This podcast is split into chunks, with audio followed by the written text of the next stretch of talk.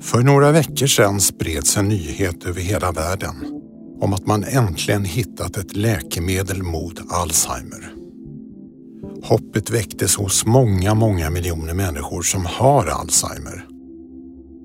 Skulle den över hundraåriga gåtan med världens kanske mest skrämmande sjukdom till slut få en lösning?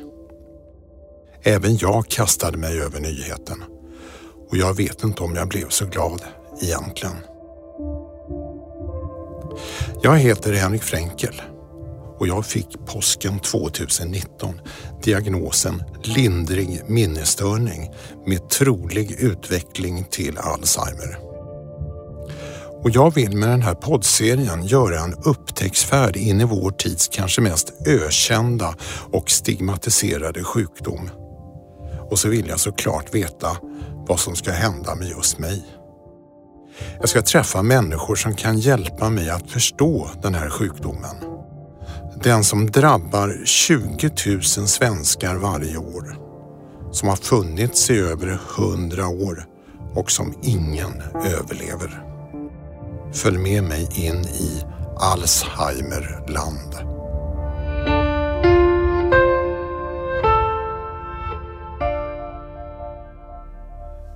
Och nu har jag en av världens ledande forskare inom Alzheimer här i studion. Det är Lars Landfelt, professor vid Uppsala universitet. Så sent som i somras fick han ett av världens mest prestigefyllda pris inom Alzheimerforskningen.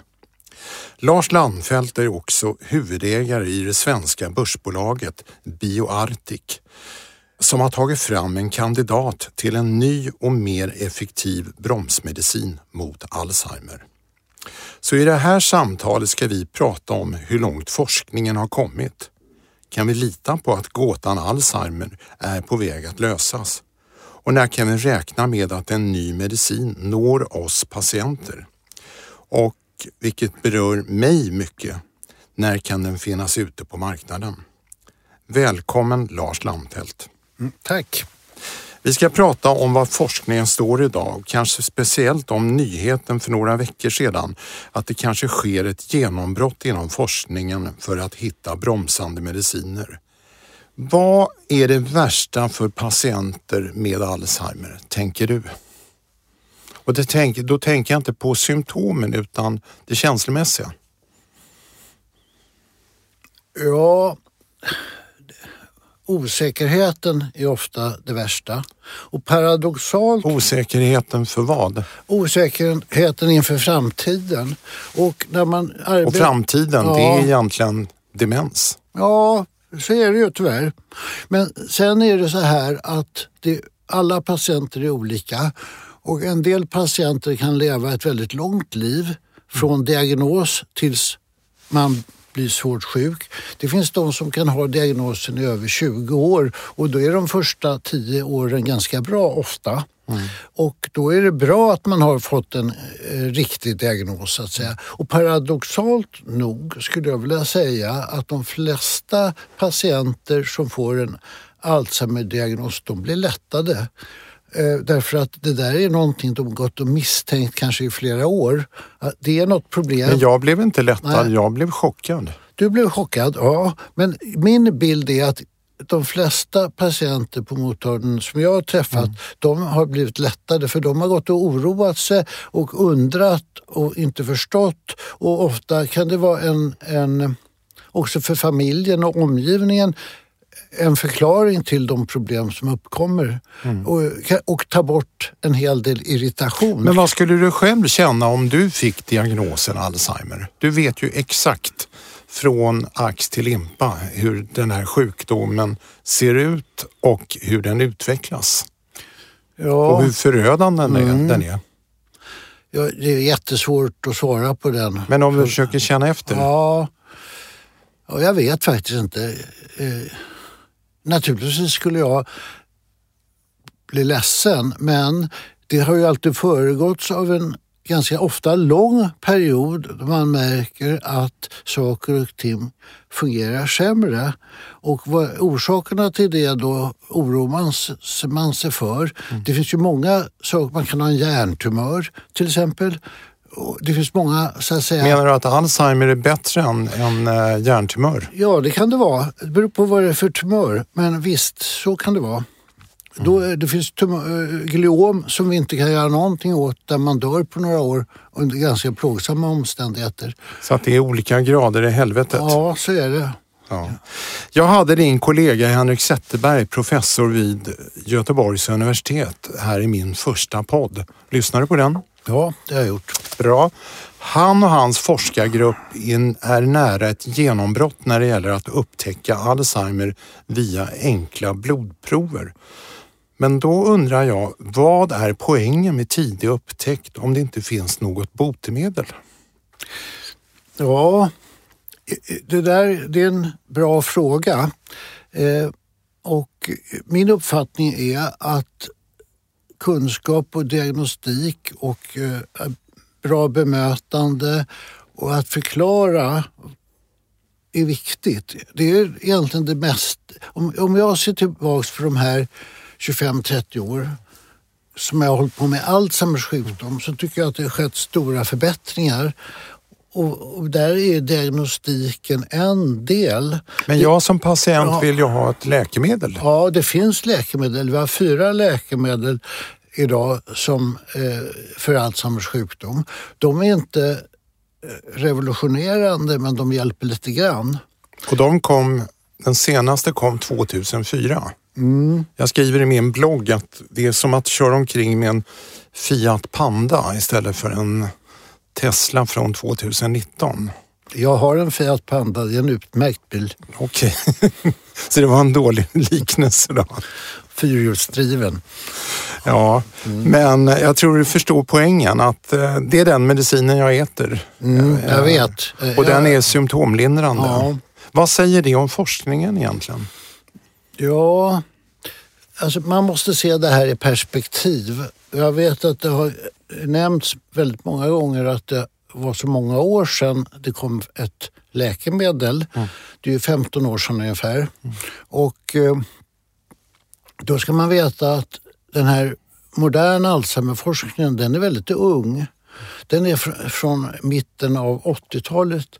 Det här ämnet som finns i placken mm. det heter amyloid beta. Vi förkortar det till A-beta. Mm. Det upptäcktes 1984.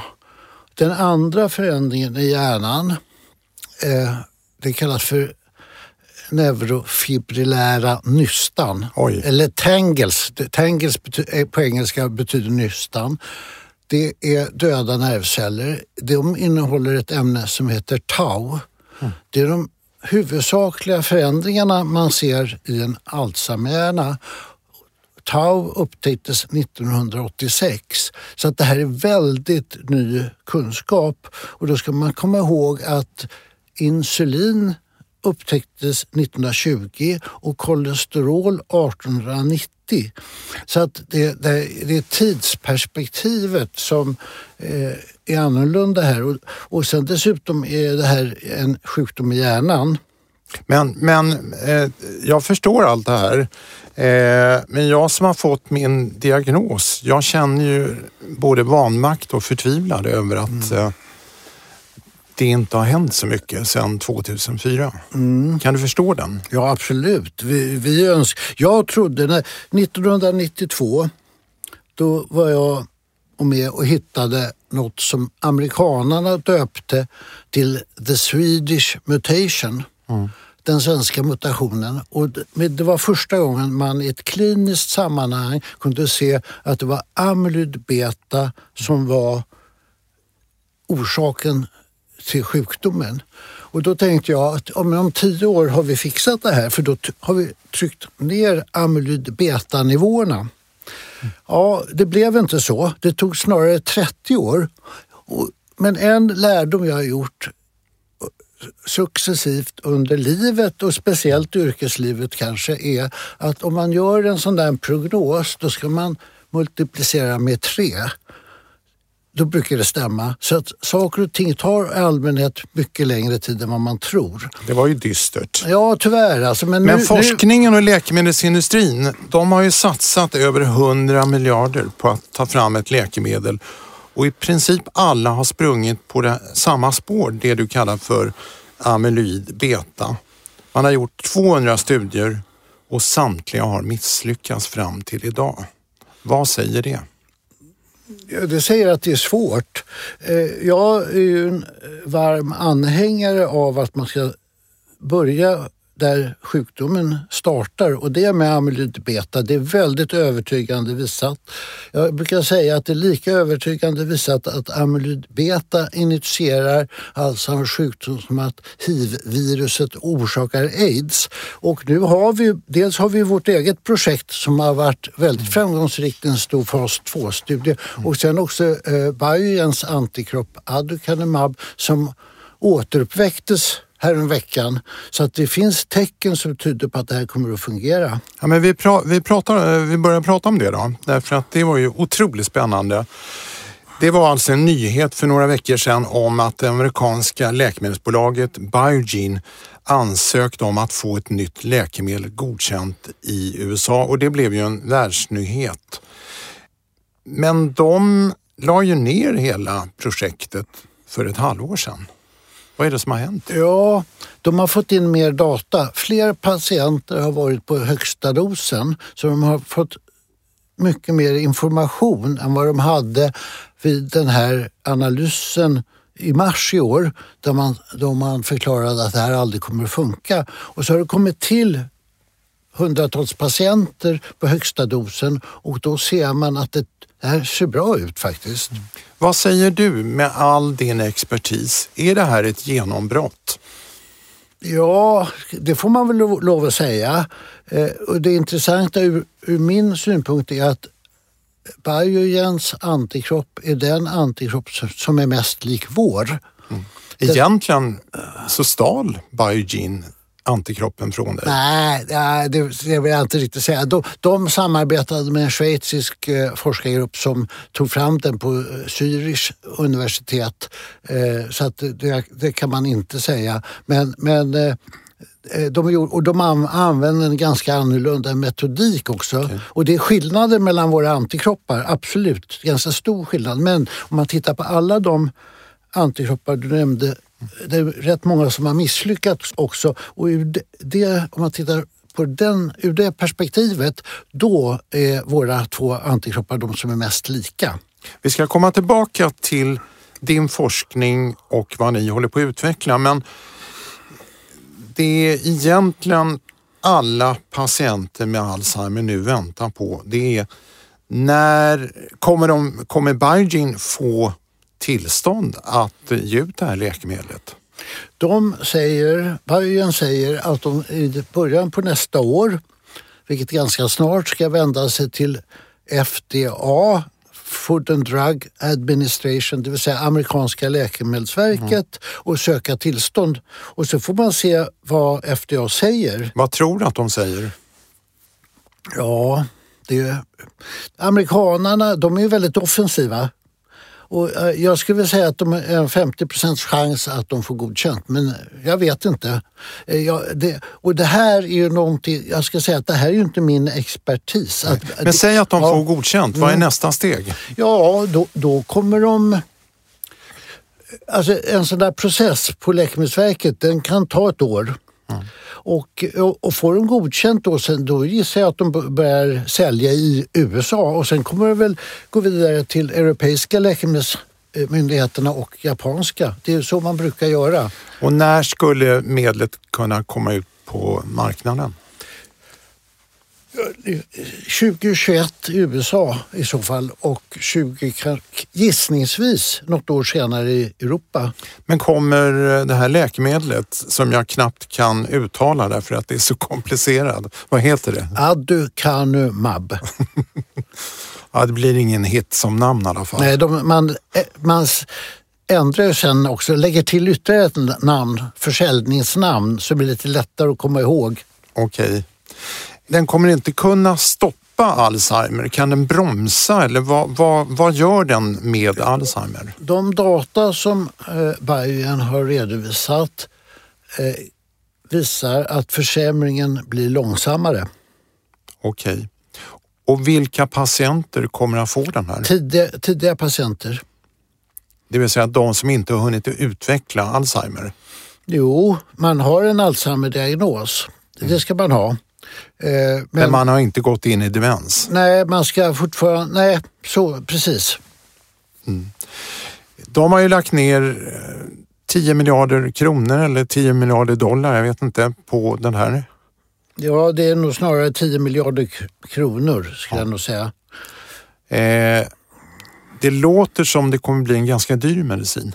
Ja, det, det är ett problem tycker jag eftersom det finns så många patienter och eh, ehm, jag, jag, och det här är också något sånt som undandrar sig min kompetens egentligen. Men jag ska säga att det är klart att man, läkemedel kan inte vara alltför dyra.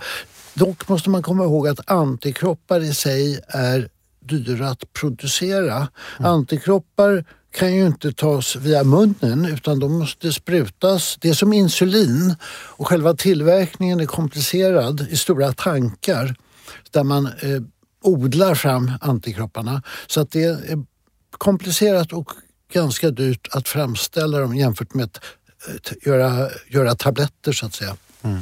Men eh, alla de nu som hoppas på den här medicinen, du säger 2021, 2022, tror du att de kommer få den, den, här, den här medicinen?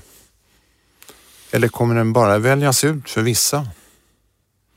Ja, för det första så måste, är det ju bara de med tidig Alzheimers sjukdom som kommer att få den. För det är de, den gruppen av patienter som har ingått i själva studien, mm. i den här kliniska prövningen. Då har man ju haft vissa kriterier och det har varit tidig Alzheimer då.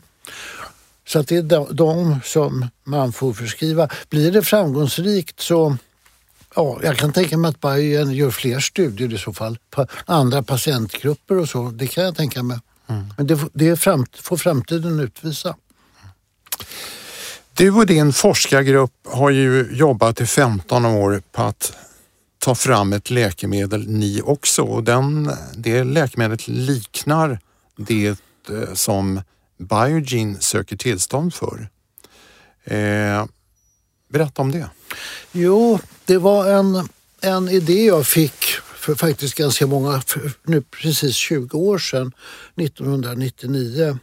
Vi, vi hade studerade en annan mutation som vi döpte till den arktiska mutationen därför att familjen kom från övre Norrland. Och då såg vi att det var en speciell form av amyloid beta som ökade påtagligt. Den fanns vid vanliga, eh, hos vanliga patienter men hos just med den här arktiska mutationen så var det den här speciella formen som ökade kraftigt och vi kallade den för, dem för protofibriller för amyloid beta är, är en klibbig molekyl och man ska veta att alla människor producerar amyloid beta från alla kroppens celler hela tiden. Och i vissa situationer så börjar den då klibba ihop i hjärnan och patienterna får Alzheimers sjukdom. Och den där processen när amyloid beta klibbar ihop först som när den produceras från cellerna så är det, kallar vi det för en monomer. Det är en enda molekyl. Men när den börjar klibba ihop så bildas först en dimer, det vill säga två stycken som sen slår ihop sig och växer och växer och man pratar då om oligomerer och protofibriler. Det börjar bli kemi här. Ja, det, är det, kemi. Var, det var mitt sämsta ämne i skolan kan jag tala om. Jag ska försöka förklara. Men att de, de ansamlas helt enkelt. De klibbar ihop och blir större och större. Till slut så är de så stora att de inte längre kan hållas i lösning och då kallar vi dem för fibriller och det är det som finns i placken. Och min, min tanke från mina studier från den arktiska mutationen var att man skulle inte gå på monomeren och man ska inte gå på slutstadiet fibrillerna utan det är de här mellanformerna, protofibriller som fortfarande är lösning men ihopsamlade. Det är de som är giftiga och skadliga och Ni har skapat antikroppar ja. mot just de här ja. protofibrillerna. Just det. Och, det gjorde vi på mitt labb i Uppsala. Precis. Eh, och nu har ni satt igång en, en eh, fas 3-studie som är den, det sist, den sista studien innan man söker om läkemedelsprövning. Och hur långt har ni kommit? Ja, studien är igång och eh, den har startat i USA. Vi samarbetar med det japanska läkemedelsbolaget Eisai. Mm. Det, det, krävs ett stort bolag med pengar för att göra sånt här för det kostar otroligt mycket pengar den här typen av studier. Och, eh, Pratar vi 10 miljarder här också? Äh, alltså man brukar säga 10 miljarder kronor hela vägen för två fas 3-studier också. Då. Mm. Så att jag, jag, vet inte riktigt. Jag har inga siffror exakt men det är mm. dyrt. Ohyggligt mycket pengar kostar det att göra det här. Och, men hur långt har ni kommit i, eh, ja, i eh, den här studien? Ja, den är ju nystartad. Vi mm. räknar med att den ska vara klar 2022. Har ni några resultat Nej, från den? Absolut ingenting. Nej. Vad förväntar ni er? Ja, det, vad som styrkan för oss är att vi har gjort en stor fas 2-studie och vi är unika på det mm. sättet för alla har gjort ganska andra, har gjort mm. små fas 2-studier. Så I vår fas 2-studie var det 856 patienter och det gör att vi har ett ganska bra underlag. Men vad visade den? Ja, det visade, det var fantastiskt bra resultat. 93 procent av patienterna på högsta dosen blev rensade på amyloidbeta eller plack i hjärnan. Det försvann. Helt och hållet? Helt och hållet. gick under nivån.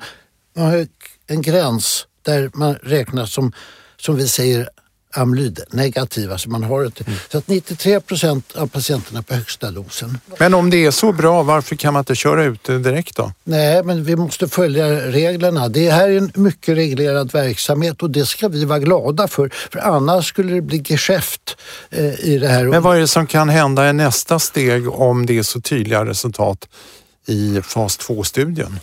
Nu ska det replikeras i dubbelt så många patienter så att man blir helt säker på att det här jag pratar om eh, eh stämmer. Så att säga. Det är det eh, fas 3-studien ska... Och vad eh, tänker du om det då? Vad, eh, vad, vad tror du om... om... Får jag berätta vad vi, fann, vi hittade mer? Vi mäter ju sjukdomen med olika så kallade kognitiva skalor. Och mm. I vårt fall hade vi tre skalor och där minskade försämringen mellan 26 till 47 procent. Så vi bromsade försämringen ganska avsevärt.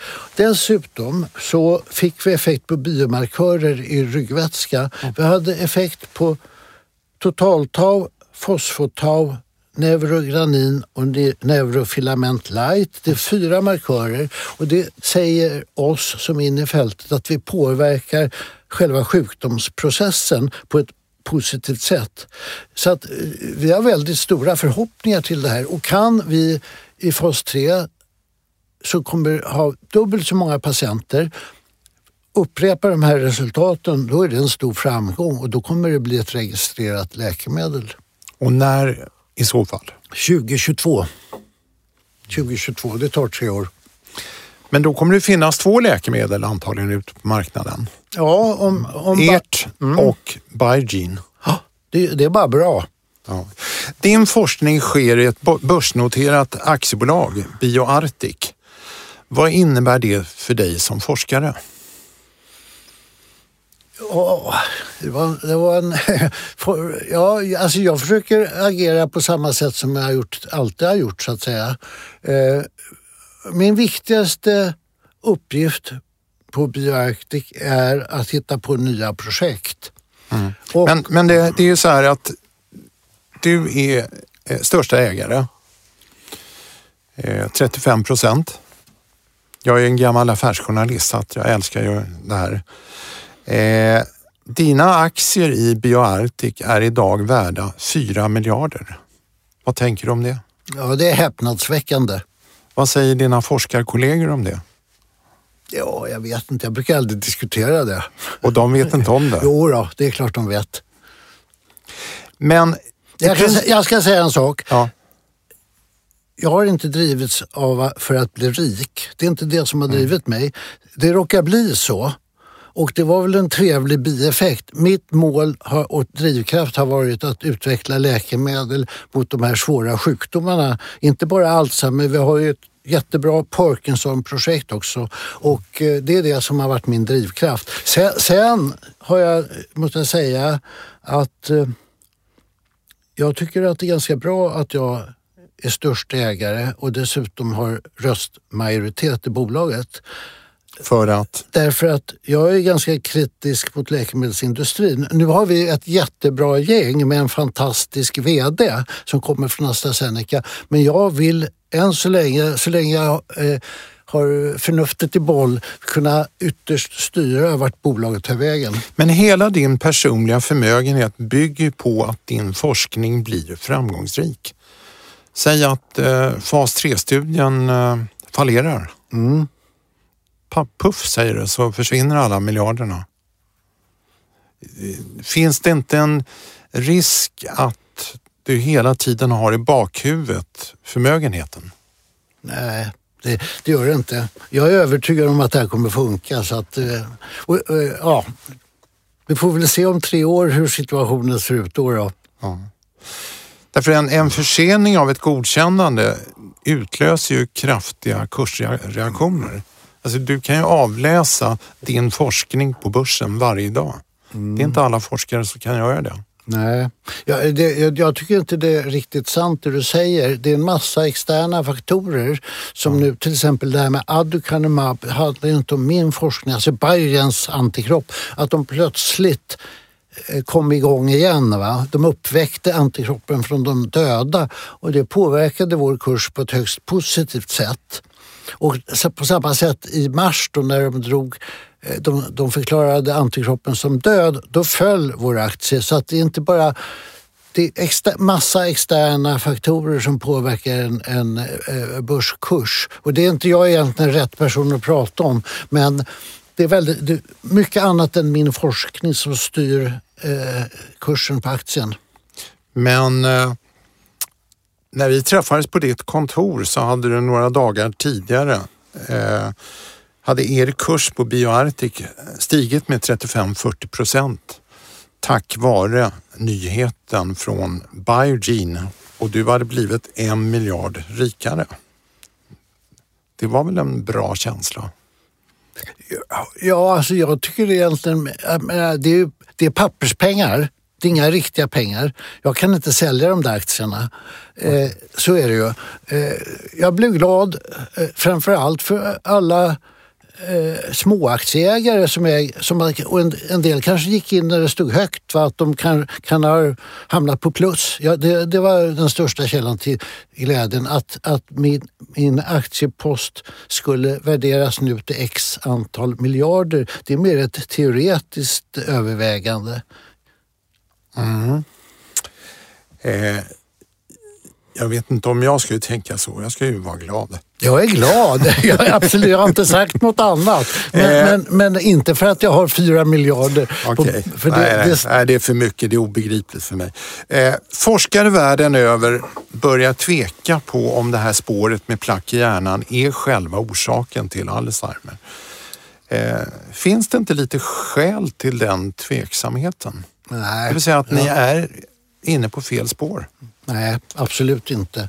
Det finns, man kan angripa, säkerligen angripa Alzheimers sjukdom på andra sätt. Och det mest nära, nära till handsliggande är ju det här ämnet tau som jag nämnde. Mm.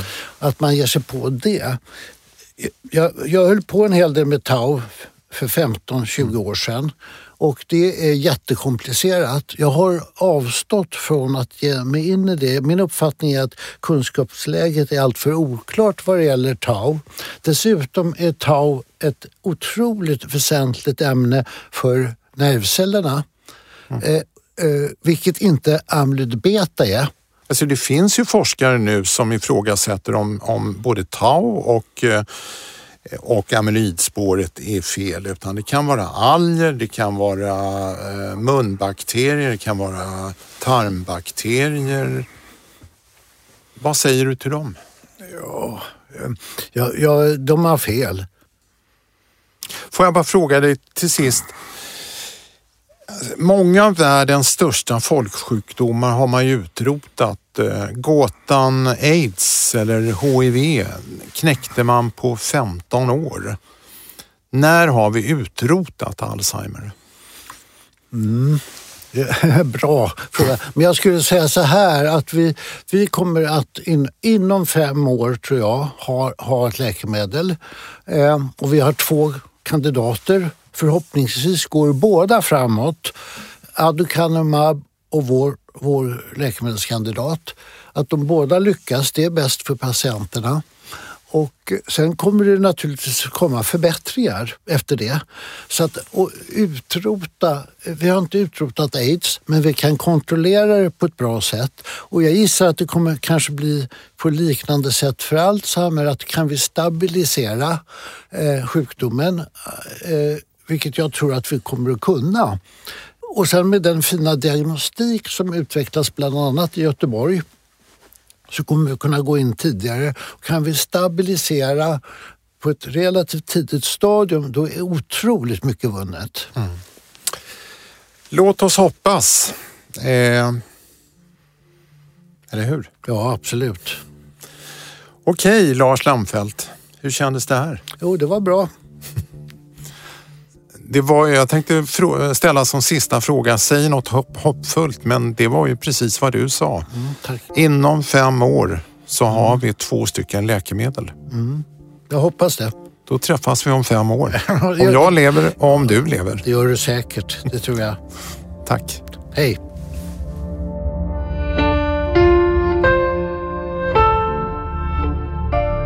Bloggen och podcasten Hjälp jag har Alzheimer har också en insamling till förmån för forskning kring kognitiva sjukdomar.